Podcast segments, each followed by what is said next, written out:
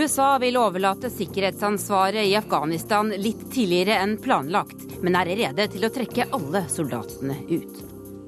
Slik gikk det med årets vesle frihetlige opprør i Kina. Kvalt i starten, ublodig, men bestemt og effektivt. Lite håp om mer pressefrihet i Kina. Journaliststreiken fikk ikke vare. Men i Nord-Korea har Google vært på besøk. The government has to do something.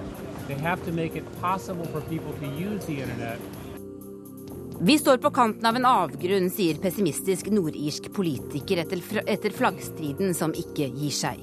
Og Haiti ble ikke et nytt land av sin verste naturkatastrofe, som rammet for tre år siden i dag.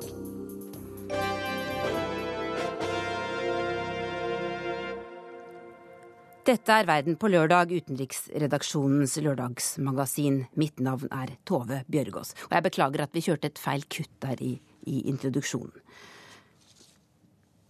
From my perspective at least, it will not be possible for us to have any kind of uh, U.S. troop presence post 2014 without uh, assurances uh, that uh, uh, our men and women who are operating there uh, are in, in, some way subject to the jurisdiction of another country.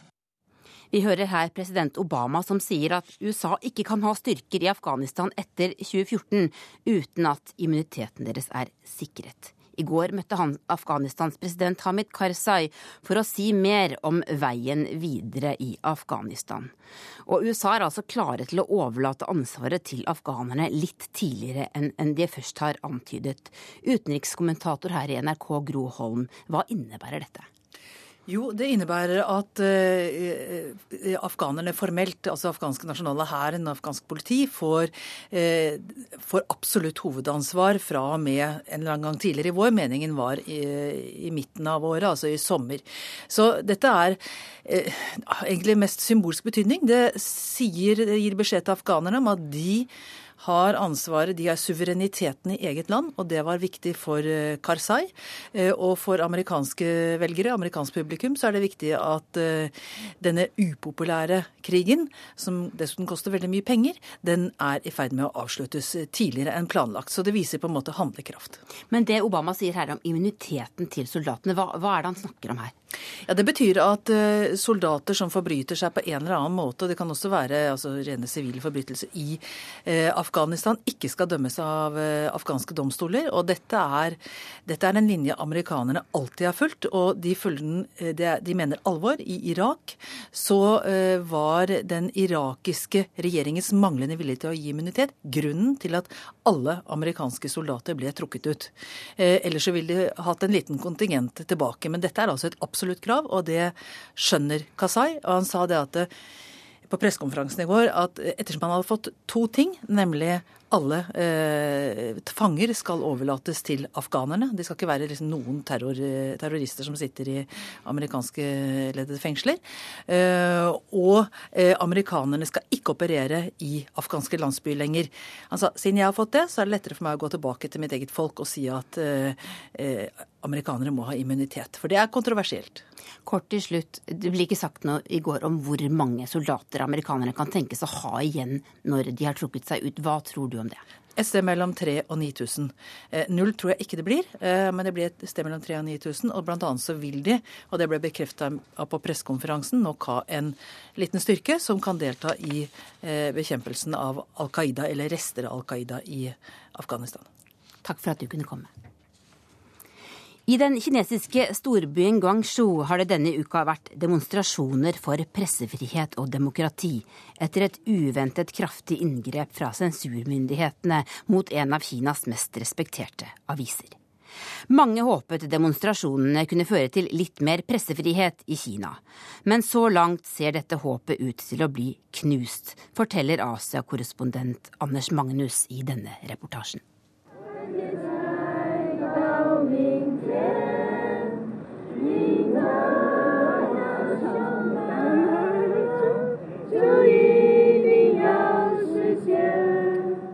De unge, stillferdige demonstrantene holder hverandre i hendene, holder blomster og tenner lys mens de synger Internasjonalen.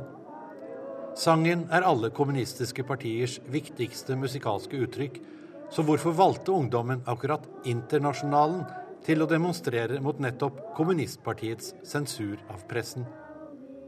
Fordi teksten først og fremst dreier seg om å reise seg mot undertrykkerne. Og i Kina er det det styrende kommunistpartiet som undertrykker folket og hindrer ungdommens drøm om mer frihet. Denne ukens protester startet med en drøm som ble knust. En av de ledende journalistene i den svært respekterte Sør-Kinas ukeavis, Nanfang Zhoumo, skrev en lederartikkel for nyttårsutgaven. Her presenterte han den viktigste drømmen for det nye året, at Kinas kommunistparti endelig skulle begynne å følge den grunnloven partiet selv hadde vedtatt for mer enn 30 år siden. I paragraf 35 står det at alle borgere av Folkerepublikken Kina har ytringsfrihet, forsamlingsfrihet og rett til å demonstrere, og at det dessuten er pressefrihet i landet. I paragraf 34 står det i tillegg at alle borgere har rett til å stemme og stille til valg. Vår drøm, skrev artikkelforfatteren, er at de styrende i Kina i det nye året skal følge bestemmelsene i landets grunnlov. For oss i Norge virker det helt absurd at borgerne i et land skal måtte be myndighetene om å følge en grunnlov de selv har forfattet. Men slik er det ikke i Kina. Derfor ble da heller ikke artikkelen med drømmen om et grunnlovsstyre i Kina tålt av myndighetene. Provinsens propagandasjef grep personlig inn fjernet drømmen og skrev i stedet en hyllest til kommunistpartiet. Da reagerte avisens journalister med vantro og raseri. Alle aviser, radio- og TV-stasjoner og nettsteder i Kina er styrt og kontrollert av myndighetene, dvs. Si kommunistpartiet. Det finnes ingen uavhengige medier. Sør-Kinas ukeavis er også gjenstand for denne kontrollen og sensuren men avisen har noen av Kinas modigste journalister og redaktører, som hele tiden forsøker å tøye grensene for det som er tillatt å skrive. Derfor er avisen så mye mer respektert blant avislesere i Kina enn de organer som hele tiden holder seg langt innenfor sensurens synlige og usynlige grenser. Overskrider man grensen, havner man i trøbbel og kan bli sparket eller arrestert. I Kina sitter 32 journalister fengslet for sine artikler. Derfor er det så vanskelig å være journalist i Kina, forteller Joe Runan, som underviser i journalistikk på Sun Yat-sen-universitetet, det største i Sør-Kina. Man sier at for å kunne gjøre suksess som journalist innenfor systemet, må man først kastrere seg selv. Joe sier at studentene gjerne starter opp som idealister, men de fleste får et hardt møte med sensuren, og ikke minst selvsensuren, straks de begynner å jobbe.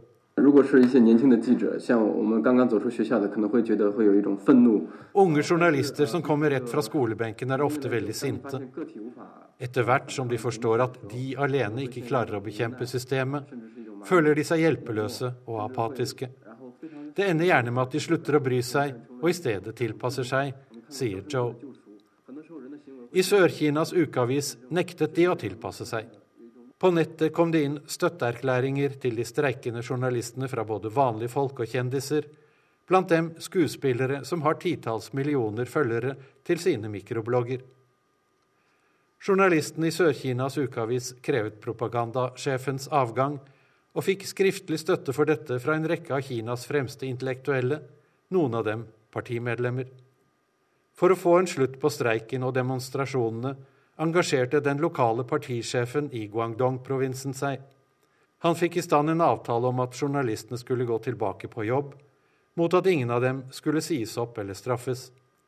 Han antydet også at propagandasjefen ville bli fjernet, men først etter en stund, slik at han ikke tapte ansikt. Noen trodde journalistene dermed hadde vunnet en viktig delseier i kampen for større frihet i Kina, og at den nye partiledelsen med Xi Jinping i spissen ville føre en mer liberal og åpen politikk enn sine forgjengere. Avtalen syntes nesten for god til å være sann, og det var den da selvsagt også.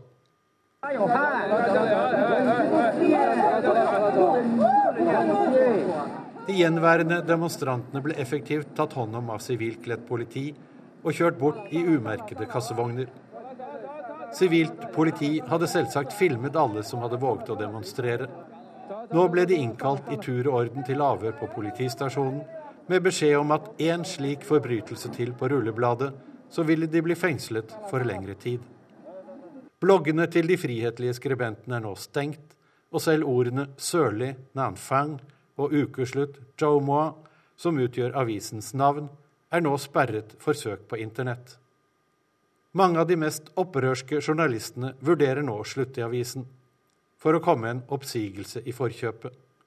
Raseriet er erstattet av apati og hjelpeløshet.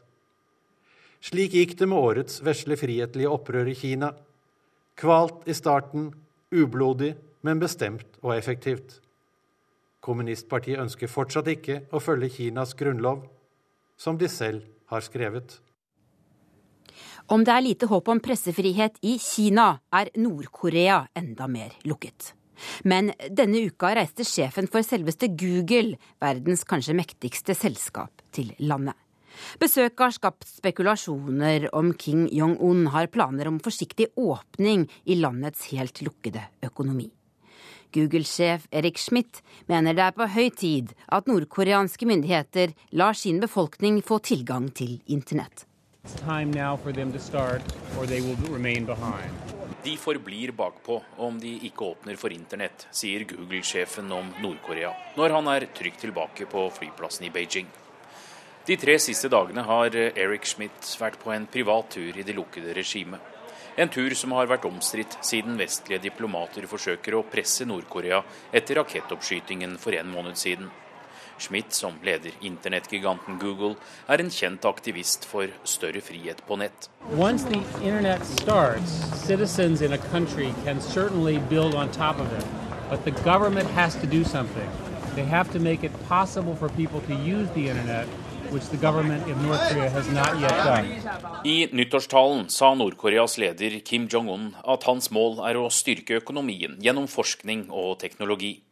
Google-sjefen ble tatt med til fabrikker som produserer datamaskiner og lesebrett, men med et begrenset 3G-nettverk og selvpålagt sensur er det bare mulig å koble seg til et intranett og ikke verdensveven.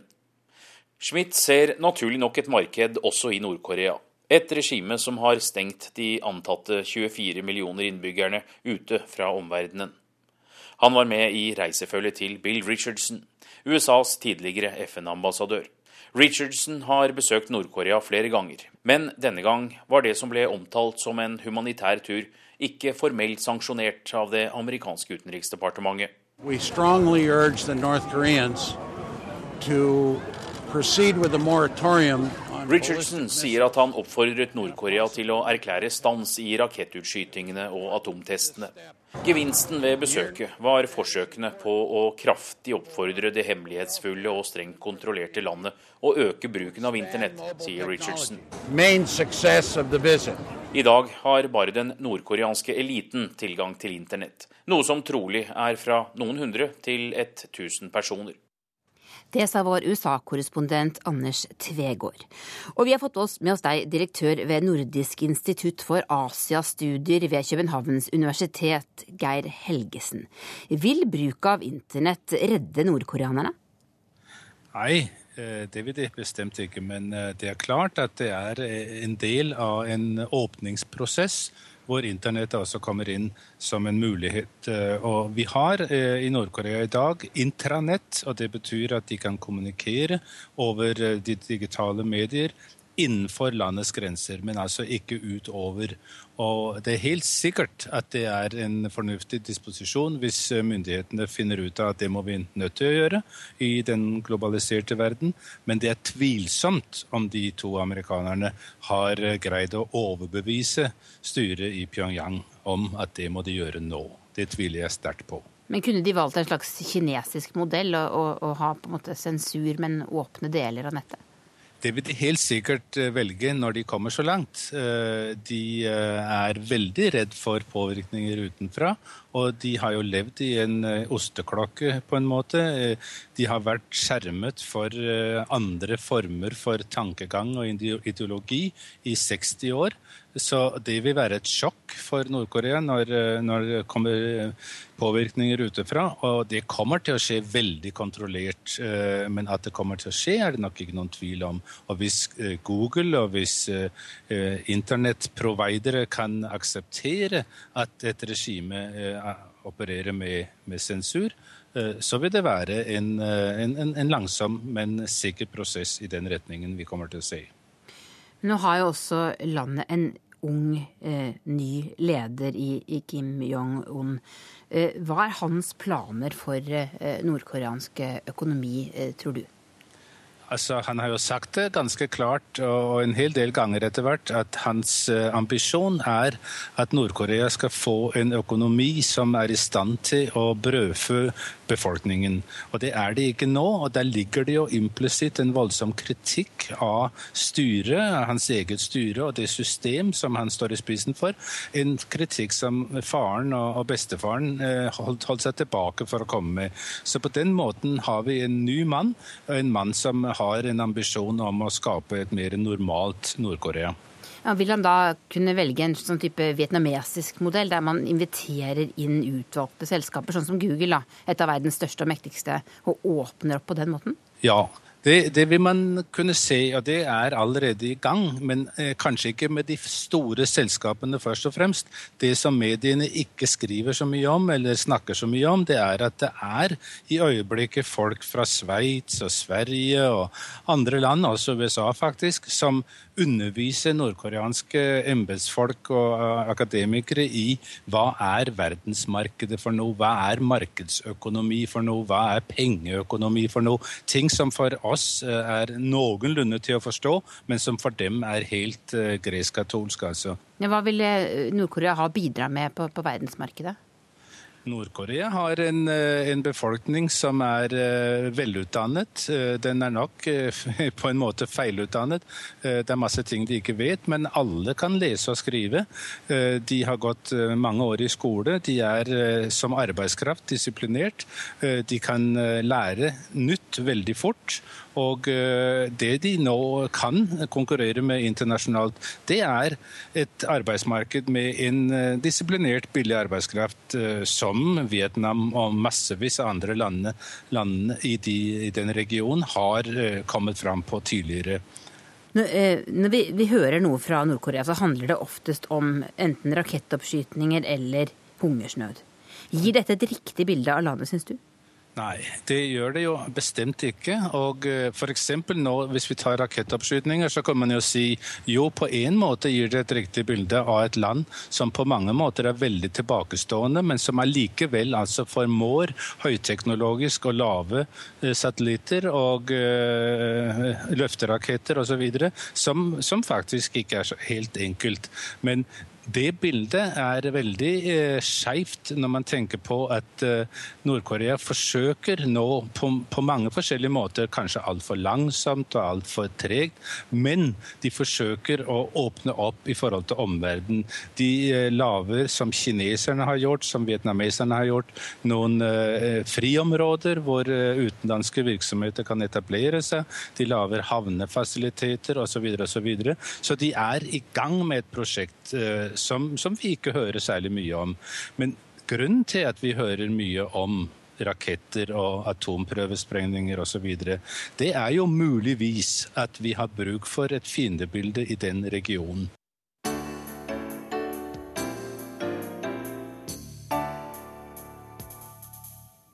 I seks uker har Nord-Irland vært preget av daglige demonstrasjoner mot beslutningen om ikke å heise det britiske flagget daglig ved rådhuset i Belfast. De siste dagene har situasjonen utartet. Mange i Nord-Irland er bekymret for at den 15 år gamle freden er i ferd med å rakne.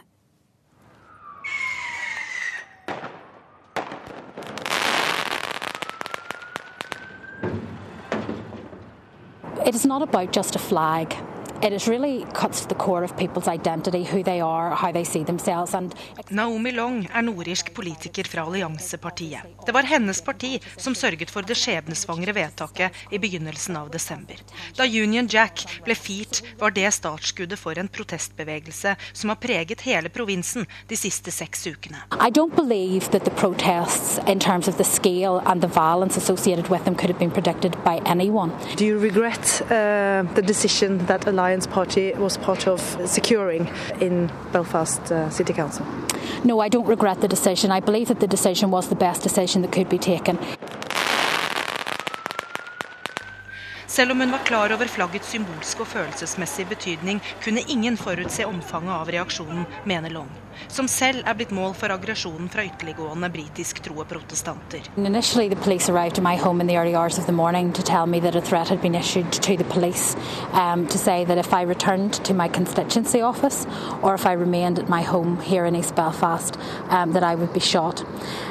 That has since been followed up with a further threat, which was received via email, and then just before Christmas, um, a bullet was sent to me in the post here at Stormont at Parliament Buildings.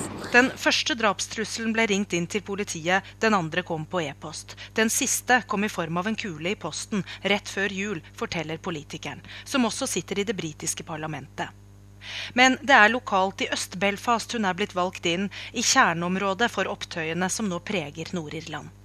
Det er delvis hennes velgere som nå reagerer så kraftig på hennes partis vedtak i hennes lokalmiljø. Hun tør ikke lenger gå ut i gatene uten at politiet følger henne. Well, it's, it's clearly it's distressing. Um, no one wants to live their life um, with a sense that they always have to look over their shoulder. Are you scared? Well, I'm human, um, so yes, I, am concerned about my safety, but I wouldn't describe myself as scared. I have a very strong faith, and I believe that my future is in God's hands, and I trust Him for that, whatever it may be. Men det handler ikke bare om flagget. Det handler om grupper av lojalister, protestanter som støtter det britiske styret i Nord-Irland, som føler de taper terreng i forhold til katolikkene, irene, dem som ønsker et forent Irland. Ifølge Long stemmer det ikke at unionistene har det verre enn andre, men man må ta deres opplevelse av det på alvor, mener hun. Det syns hun ikke unionistenes leder og Nord-Irlands førsteminister Peter Robinson gjør. Han beskriver de som står bak urolighetene, først og fremst som urokråker. We're talking about people who are disaffected, people who would uh, probably be involved in antisocial behaviour every day of the week anyway, but have now come together uh, along with those who are against the political process uh, of which we uh, are a part. But you're the unionist leader and the First Minister. Why haven't you and the police been able to stop this? Well, the, the police have the, the job, obviously, of uh, uh, attempting to control any violence or activity on the streets. Uh, I have uh, no influence over people who are throwing stones uh, and petrol bombs at the, the police. Mens urokråkene organiserer stadig flere og større demonstrasjoner, har Peter Robinson organisert et unionistisk forum. Han mener de ulike unionistiske grupperingene må løse problemene, og snakker gjerne med de paramilitære gruppene som får skylda for å orkestrere opptøyene.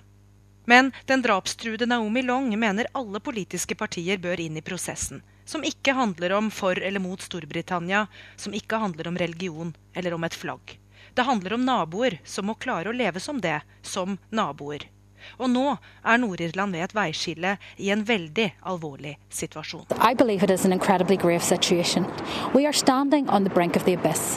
But we have choices that we can make as a society. We can choose to either allow ourselves to descend into chaos yet again, or we can choose to show some maturity and some leadership. Det sa den drapstruede politikeren Naomi Long til vår korrespondent Gry Blekastad Almås, som følger situasjonen i Belfast. En annen konflikt Storbritannia er involvert i, foregår om Falklandsøyene. Britene trapper nå opp ordkrigen om øyene foran en folkeavstemning om to måneder. Den britiske statsministeren sier han vil forsvare øyene, om nødvendig med militærmakt og argentinske myndigheter krever en slutt på det de kaller et kolonistyre fra det forrige århundret. Arnt Stefansen har sendt oss denne reportasjen fra Rio de Janeiro.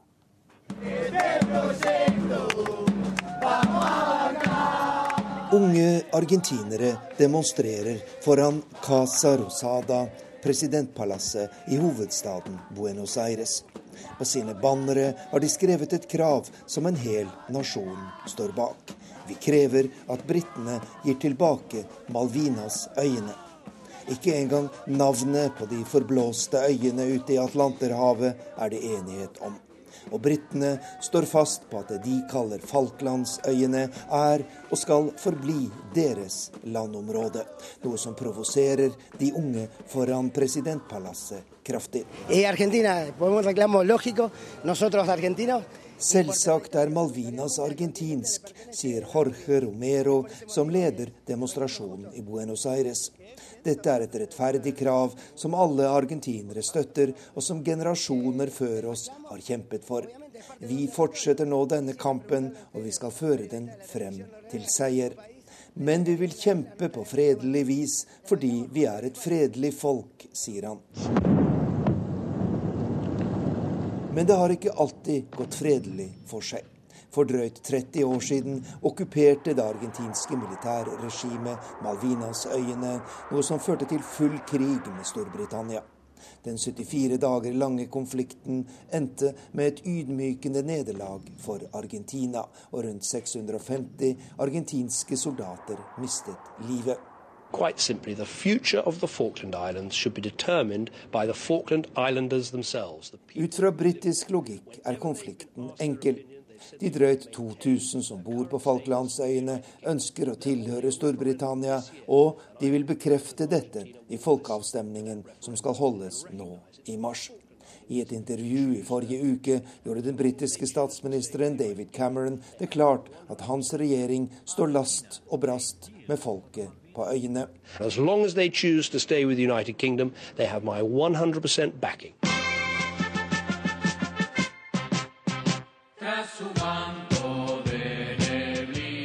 Men her i Latin-Amerika er logikken en annen. For Argentina og mange andre land på dette kontinentet er britenes nærvær i Sør-Atlanteren et gufs fra fortiden. Et titalls søramerikanske land stengte i fjor sine havner for anløp fra Malvinasøyene, og det gir argentinske myndigheter full støtte i sitt krav overfor FN om forhandlinger med britene om øyenes fremtidige status. Argentinas president Cristina Fernandez de Kirchner har gjort Malvinas-konflikten til en av sine politiske fanesaker. Det er en anakronisme å ha kolonier i det 21. århundre. I dag finnes det bare 16 kolonier i hele verden, og britene har herredømme over de fleste av dem, sier president Kirchner under et møte i presidentpalasset i Buenos Aires. Argentinske myndigheter satser nå på å få til en internasjonal fordømmelse av Storbritannia, og anklager britene for en uansvarlig miljøpolitikk og for rovdrift på naturressursene i Falklandsområdet, i første rekke olje og fisk. Alto. Det er vaktskifte ved det nasjonale minnesmerket for Malvinas-ofrene i Buenos Aires. Her er navnene på de 649 argentinske soldatene som mistet livet i Falklandskrigen, meislet inn med hvite bokstaver i svart granitt. Og selv om det var et forhatt regime som førte krigen for 30 år siden, så er det sterke følelser knyttet til denne konflikten. Bueno, con un sentimiento muy fuerte nacional, eh. Jeg blir fylt av sorg og sterk nasjonalfølelse når jeg kommer hit, sier den 45 år gamle Gustavo Zug, som besøker monumentet jevnlig. Jeg tenker på alle de unge som mistet livet i en meningsløs krig, men for en rettferdig sak. Det var generalene som gikk til krig, men for vanlige argentinere handler ikke dette om generalene, men om en nasjonal tragedie og om et krav som vi alle støtter. Malvinasøyene tilhører Argentina sier han bestemt.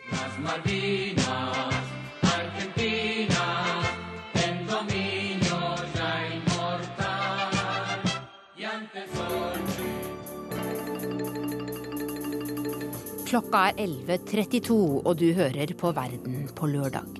Hvordan har folk det på Haiti i dag, tre år etter jordskjelvet? Jeg klarte det på første forsøk, og ble deretter ledet gjennom bås etter bås som ble låst bak meg. Og korrespondentbrevet handler, handler om alle grensene en må krysse i Midtøsten.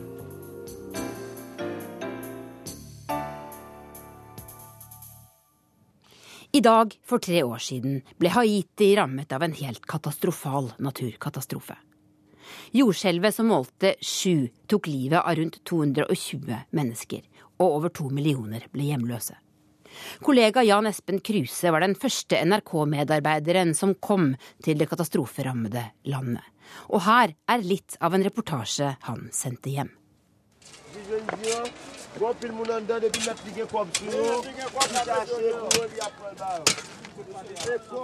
Frivillige letemannskaper graver med spade og hakke i ruinene av en stor bygning i sentrum av Port-au-Prince. Det ser ut som en håpløs oppgave. Det er umulig å flytte på store betongblokker av det som en gang var Justisdepartementet i byen. Men pårørende etter dem som arbeidet i bygningen, håper på å få svar. De vil vite hva som skjedde med deres kjære. Og mens vi er der, graves det fram en død mann. Hans kone kommer for å identifisere den omkomne.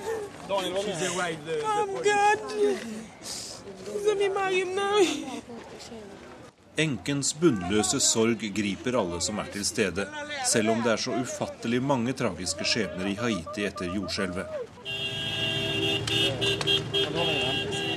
Svært mange mennesker har søkt tilflukt i en kjempestor provisorisk flyktningleir ved det sammenraste presidentpalasset. Der sitter eller ligger folk tett i tett, barn og voksne om hverandre. Noen har kokeapparater til å lage mat i. Det er de heldige. Andre er på hvileløs jakt etter mat, drikkevann og medisinsk hjelp. Manger, manger. Manger, bagen glå, bagen koa, bagen Gi meg noe å spise, sier en kvinne her på slutten av reportasjen. Eh, generalsekretær i Unicef Norge, Bernt Apeland, velkommen hit. Takk skal du ha. Dette var altså for tre år siden, eller noen dager, litt mindre enn tre år siden i dag, eh, akkurat denne reportasjen. Men, men eh, da trengte folk mat og husly. Hvordan har folk eh, på Haiti det nå? Det var jo som eh, du innledet med, dette er jo en av de verste naturkatastrofene som har skjedd i moderne eh, historie. Eh, over 200 000 mennesker ble drept.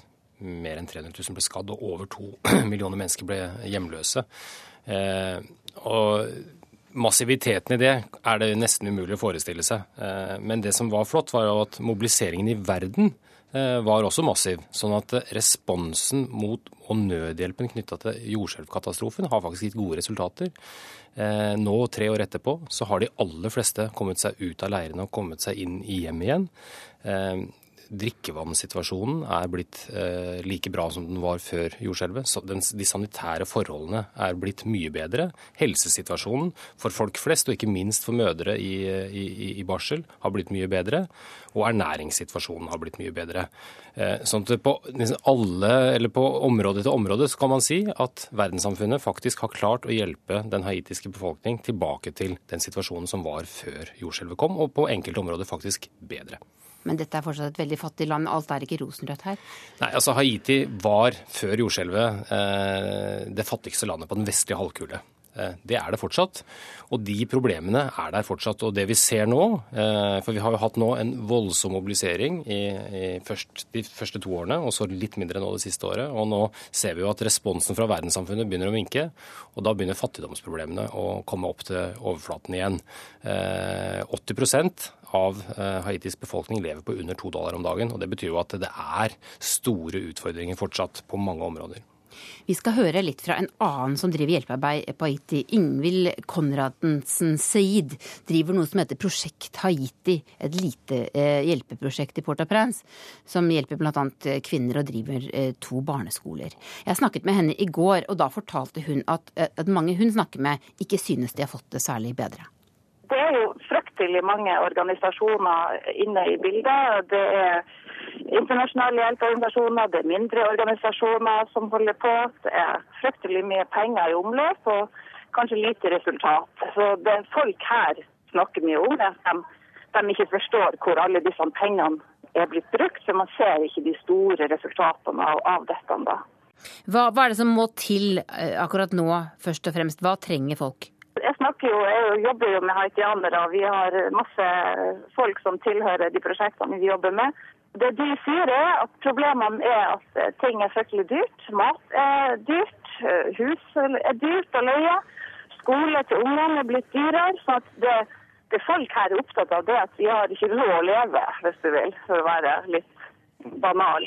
Um, så at det er mange her som mener at det, burde, det må styres på en bedre måte. At man setter en, en pris, altså en sånn kontroll på, på hva varer skal koste, spesielt basisvarer, altså ris og, og, og disse matvarene som alle trenger. ikke sant? At det må være en kontroll på det. for Hvis det ikke er det, så er det fritt fram for de som har muligheten til å utnytte situasjonen. Ja, Bernt Ampeland, Dette er vel ganske typisk eh, etter en katastrofe. Man snakker om at, at det kommer veldig mye hjelp inn, men, men det når ikke alle, og mm. organiseringen av den. Mm. Hva gjør man med dette problemet, matpriser? Eh, dette er jo en av de tingene som eh, Unicef og FN kommer til å ha et veldig fokus på i 2013, fordi eh, avlingene har slått feil i 2012 pga. bl.a. disse stormene Isaac og, og, og, Sandy, men også andre, altså tørke og flom. sånn at matvaremangel kommer til å være et stort problem. og vi, tredjedel av det vi skal satse på i året som kommer, er faktisk å skaffe mat til folk. Men når det gjelder å, å løfte liksom, det haitiske samfunnet ut av den situasjonen man er i, så er nok det et lenger lerret å bleke. og Her må også haitiske myndigheter ta et stort uh, ansvar. Men samtidig så har jeg liksom Jeg, jeg kan forstå at bildet sett fra en, en, et slumområde i Port-au-Prince ser ut som det ikke har skjedd store endringer, men det er virkelig store endringer som har skjedd, samtidig som det fortsatt er vanskelig. Eh, før jordskjelvet så var bare det halvparten av barna som fikk barneskole. I dag er det åtte av ti. Så det, det, er ting som går den rette veien. Eh, men, det faktisk, men, det er fortsatt sånn at Haiti er et av de fattigste landene i verden, og det kommer de til å slite med i en del år eh, framover også. Kort til slutt. Eh, man tenkte kanskje man kunne begynne på scratch etter en så mm. stor katastrofe i dette fattige landet, men, men, Haiti er fortsatt det samme Haiti organisatorisk sett?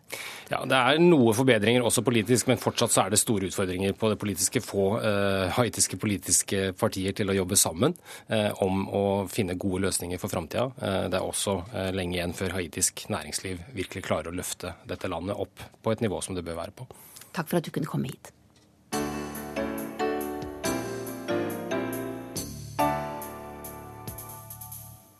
Kvikksølv er et giftig metall, og i Afrika øker utslippene kraftig pga. gullgraving.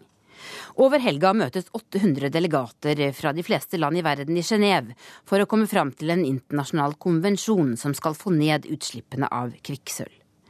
Det giftige metallet er et verdensomspennende forurensningsproblem som kan føre til store helseskader for millioner av mennesker, rapporterer Lars Sigurd Sunnanå fra Nairobi.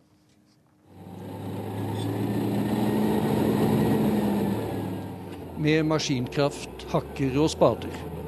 Det letes for fullt nå etter gull i titusener av små og store gruver over hele verden. Ikke minst i Afrika har de høye gullprisene ført til at det graves som aldri før.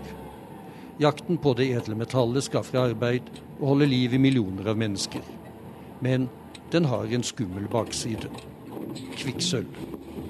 Denne uken har FNs miljøorganisasjon her i Nairobi, UNEP, lagt frem oppdaterte analyser som viser at utslippene av dette giftige metallet øker dramatisk i en rekke utviklingsland, og at det har store helse- og miljømessige konsekvenser.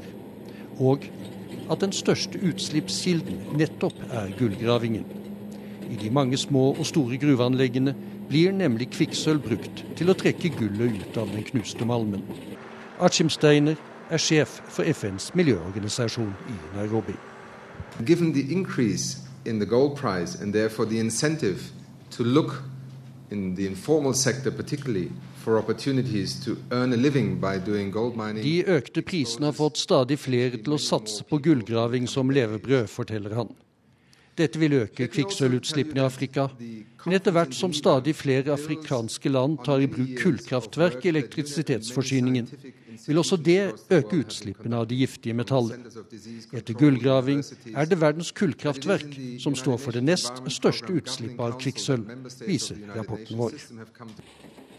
Mens gullgravingen går sin gang, møtes 800 delegater fra de fleste land i verden over helgen i Genéve. Håpet er at de skal legge på plass de siste bitene i en internasjonal konvensjon som over tid vil få redusert og aller helst fjernet kvikksølvutslippene. For kvikksølv er et forurensningsproblem som rammer alle land i verden. Det giftige metallet spres gjennom atmosfæren og kjenner ingen grenser. I løpet av de siste 100 årene er innholdet av kvikksølv doblet i de øverste 100 meterne av verdenshavene. Blant barn i arktiske strøk er det målt faretruende høye verdier av kvikksølv, viser FN-rapporten. Men det sier seg selv at det vil innebære harde tautrekkinger og forhandlinger i sene nattetimer å få til en kvikksølvkonvensjon i Genéve. Den vil jo direkte berøre verdens kullkraftverk og millioner av mennesker som har gullgraving som levebrød.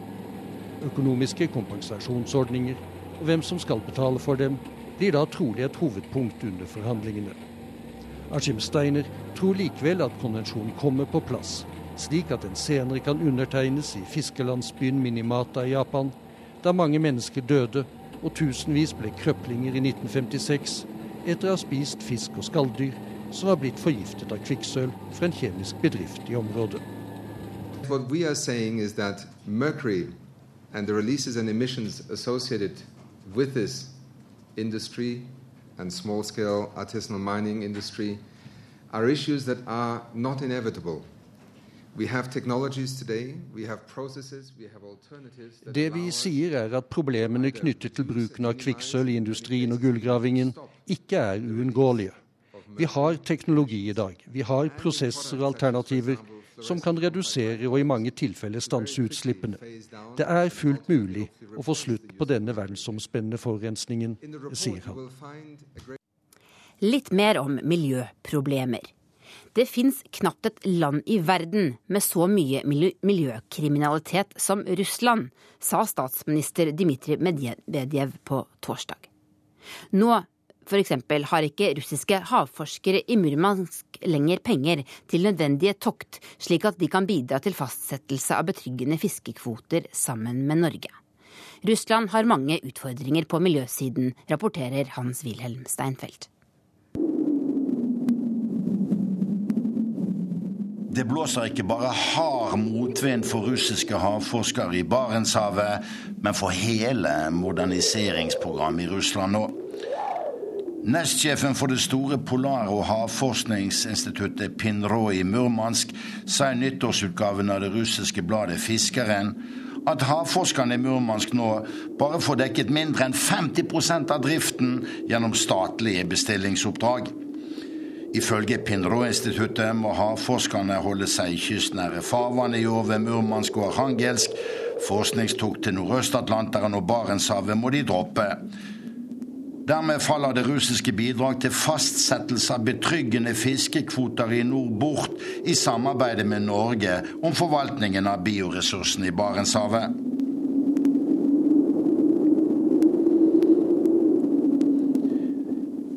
Stormkastene sa statsminister Dmitrij Medvedev på torsdag dette om de økologiske forbrytelsene som russiske bedrifter og lokale myndigheter her i Russland tillater seg nå.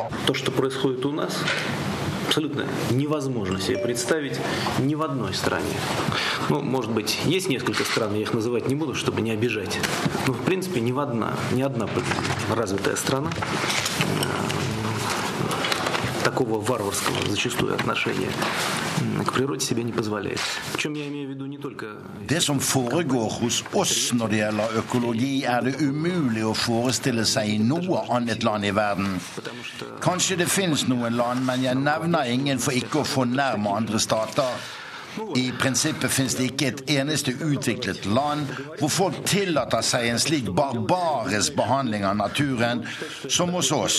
Hørte vi her Russlands statsminister og forrige president Dmitrij Medvedev tordne på regjeringsmøtet torsdag i Kreml.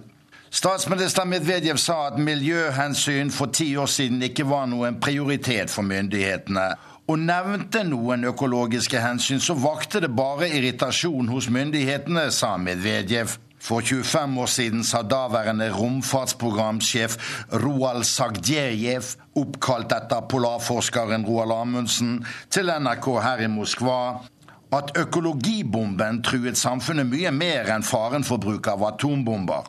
Men i 25 år har myndighetene i Kreml bare latt det skure, og en av forklaringene kom i president Vladimir Putins tale om rikets tilstand den 12. desember i fjor.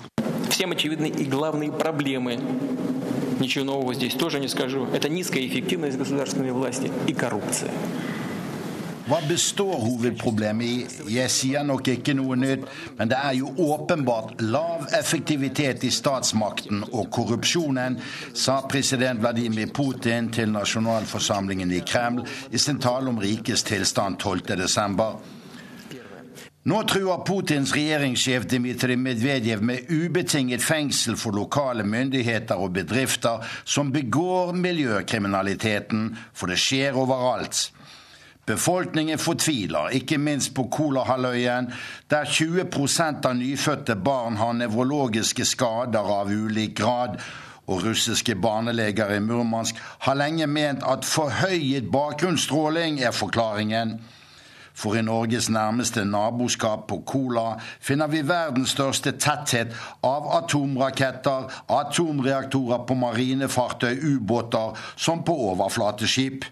Torsdag sa president Vladimir Putin selv at han de neste syv årene skal bruke nesten 1000 milliarder norske kroner til fornyelse av ubåtflåten og atomdrevne marinefartøyer på overflaten etter forfallet på 90-tallet. Så sett med mer miljøbevisste norske øyne er Russland en farlig nabo, men et samfunn som er mest farlig for russerne selv.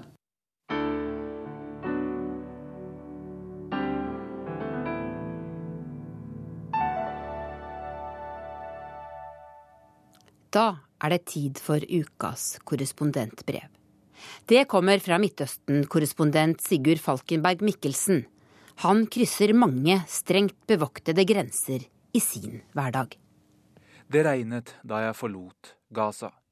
Jeg sto og kikket over mot muren med de runde tårnene som, etter hva jeg har blitt fortalt, inneholder fjernstyrte maskingevær. Foran meg lå en lang korridor med gjerder på hver side og bølgeblikktak, som et endeløst bur. Det regnet, og for mange i Midtøsten er det et godt tegn. Men jeg så ikke noe godt i dette regnet. Det var kaldt, det blåste, og den korte, men intense krigen mellom Israel og Hamas i fjor høst var akkurat over. Jeg la på vei inn i den korridoren med alt utstyret mitt. Bak meg så jeg biler fra CNN ankomme, og jeg ville nå grensekøen før dem. Jeg visste at en lang kø allerede ventet meg, og at hvert eneste lille objekt ville bli nøye gjennomlyst. Når verdens kringkastere en drøy uke har vært i Gaza, blir det ganske mange. Jeg begynte å gå og kom fram til en automatisk ståldør. Jeg ble stående der og vente før den åpnet seg. Noen så meg tydeligvis. Og jeg var på vei gjennom muren.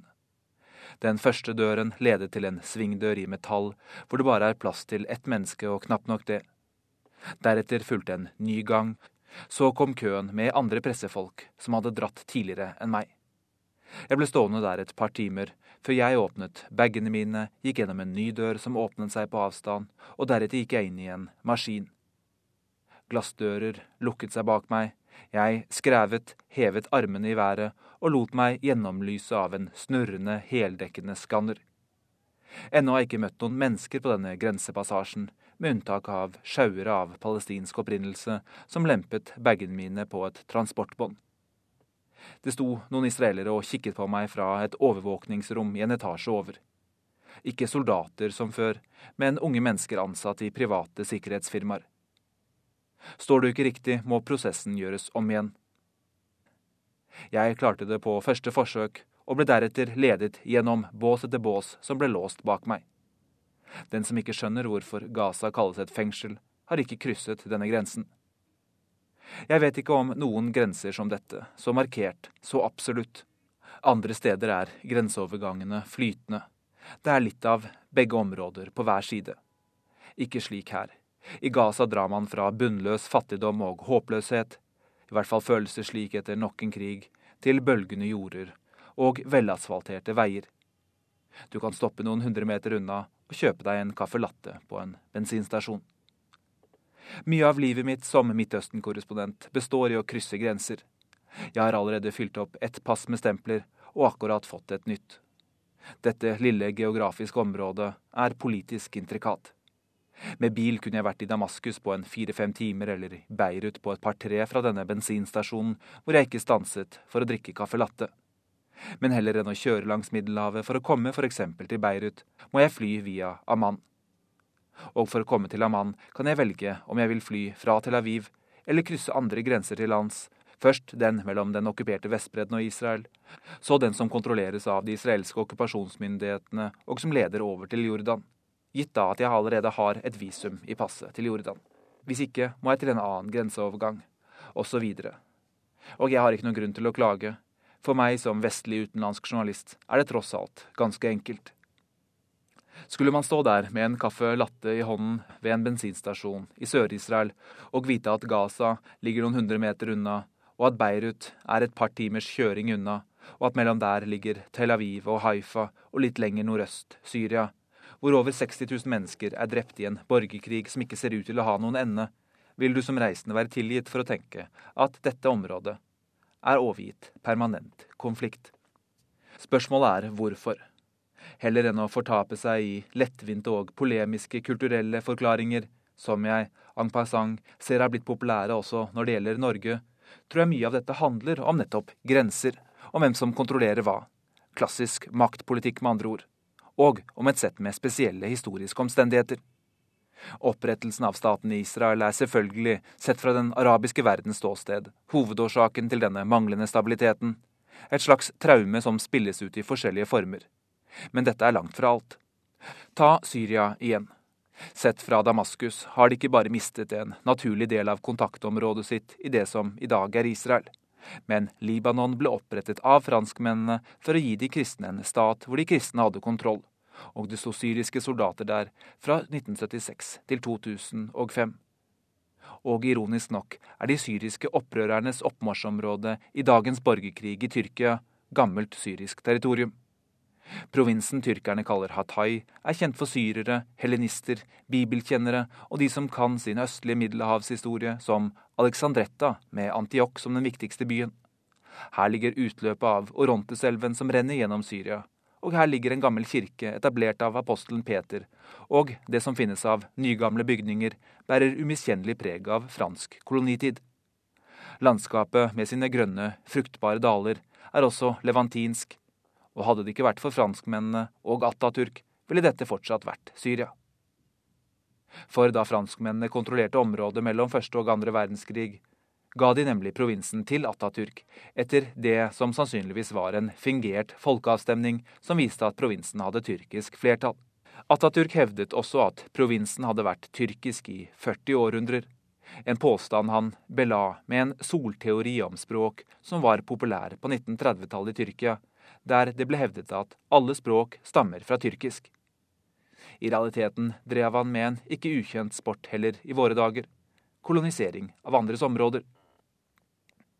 Det er lett å tenke på Midtøsten som et gammelt område, med sumeriske sivilisasjoner i Irak, faraoenes Egypt eller Ugarit-sivilisasjonen i Syria f.eks. Men selv om kulturen er gammel, er det politiske kartet ungt. Grunnrisset ble lagt i de mange rundene med fredsforhandlinger som foregikk etter den første verdenskrig. Da ble grensene tegnet, og under krigen hadde britene utstedt Balfour-erklæringen om opprettelsen av et jødisk nasjonalhjem i det som da het Palestina. Alt dette skjedde på bakgrunn av det ottomanske rikets kollaps, som hadde regjert området i rundt fire århundrer. Og når imperier faller, følger kaos.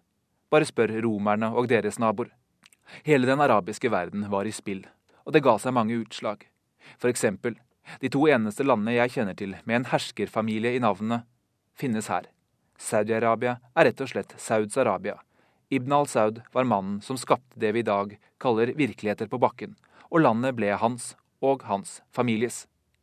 Det hasjemittiske kongedømmet Jordan tilhører, ja, hasjemittslekten, som britene sørget for å ikke gi ett, men to land, Irak og Jordan.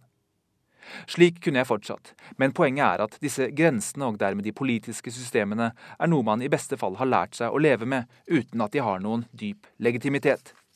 De ble trukket av kristne europeere som et resultat av en gitt tilstand, sjelden som naturgitte, selv om det selvfølgelig også finnes gamle politiske fellesskap innenfor de nåværende grensene. Ikke dermed sagt at alle problemene kan legges ved de gamle kolonimaktenes dør. Midtøsten er ikke det eneste stedet hvor de trakk grenser mer eller mindre etter eget forgodtbefinnende. I både Afrika og Latin-Amerika har landene kommet til en erkjennelse at for å komme videre må man akseptere det som har hendt. Det nytter ikke kjempe de kampene på nytt. Uti posidetis juris kalles det i internasjonal rett. Men internasjonale juridiske prinsipper virker ikke på meg for å være styrende i Midtøstens maktpolitikk. Aller minst i forholdet mellom Israel og det som et flertall i FN nå har bestemt seg for å kalle Palestina. I Jerusalem en kveld traff jeg den palestinske kunstneren Bashir Mahlul. Jeg spurte han om dette med grenser og hvordan han reagerte på muren som palestiner. Ikke muren til Gaza, men den som skiller det som er igjen av Vestbredden og Israel. Og han snudde det hele på hodet. Han så muren som et israelsk monument om hvem de er og hva de vil, og mente at det var israelerne som fengslet seg selv inne. Du er hva du lager, sa han. Alle trenger grenser. Uten grenser eksisterer man verken som stat eller enkeltmenneske. Et sted begynner du, et sted slutter du. Spørsmålet som ligger i bunnen her er, tror jeg, om grenser handler om et deg og meg, eller om et deg eller meg. Og dette korrespondentbrevet som har dreid seg om murer, Balfour-erklæringer og Versailles-traktater, storpolitikk og uforenlige oppfatninger av virkeligheten som uvergelig leder til krig, i hvert fall til konflikt, kan ikke annet enn å konkludere med at i Midtøsten av i dag handler grenser om det siste, altså å trekke opp et markert skille med våpen i hånd. Men så er det likevel ikke så enkelt, så stereotypt, for politikk handler om mennesker og menneskers sameksistens, og den følger, heldigvis, ikke rette linjer, tegnet i sanden, rullet ut med piggtråd eller innprentet ideologisk på fjernsyn eller i skolebøker. Ta Jamil, en palestinsk fotograf fra Øst-Jerusalem som jeg noen gang jobber med. Han har vært vitne til flere kriger og utallige overgrep mot sitt folk.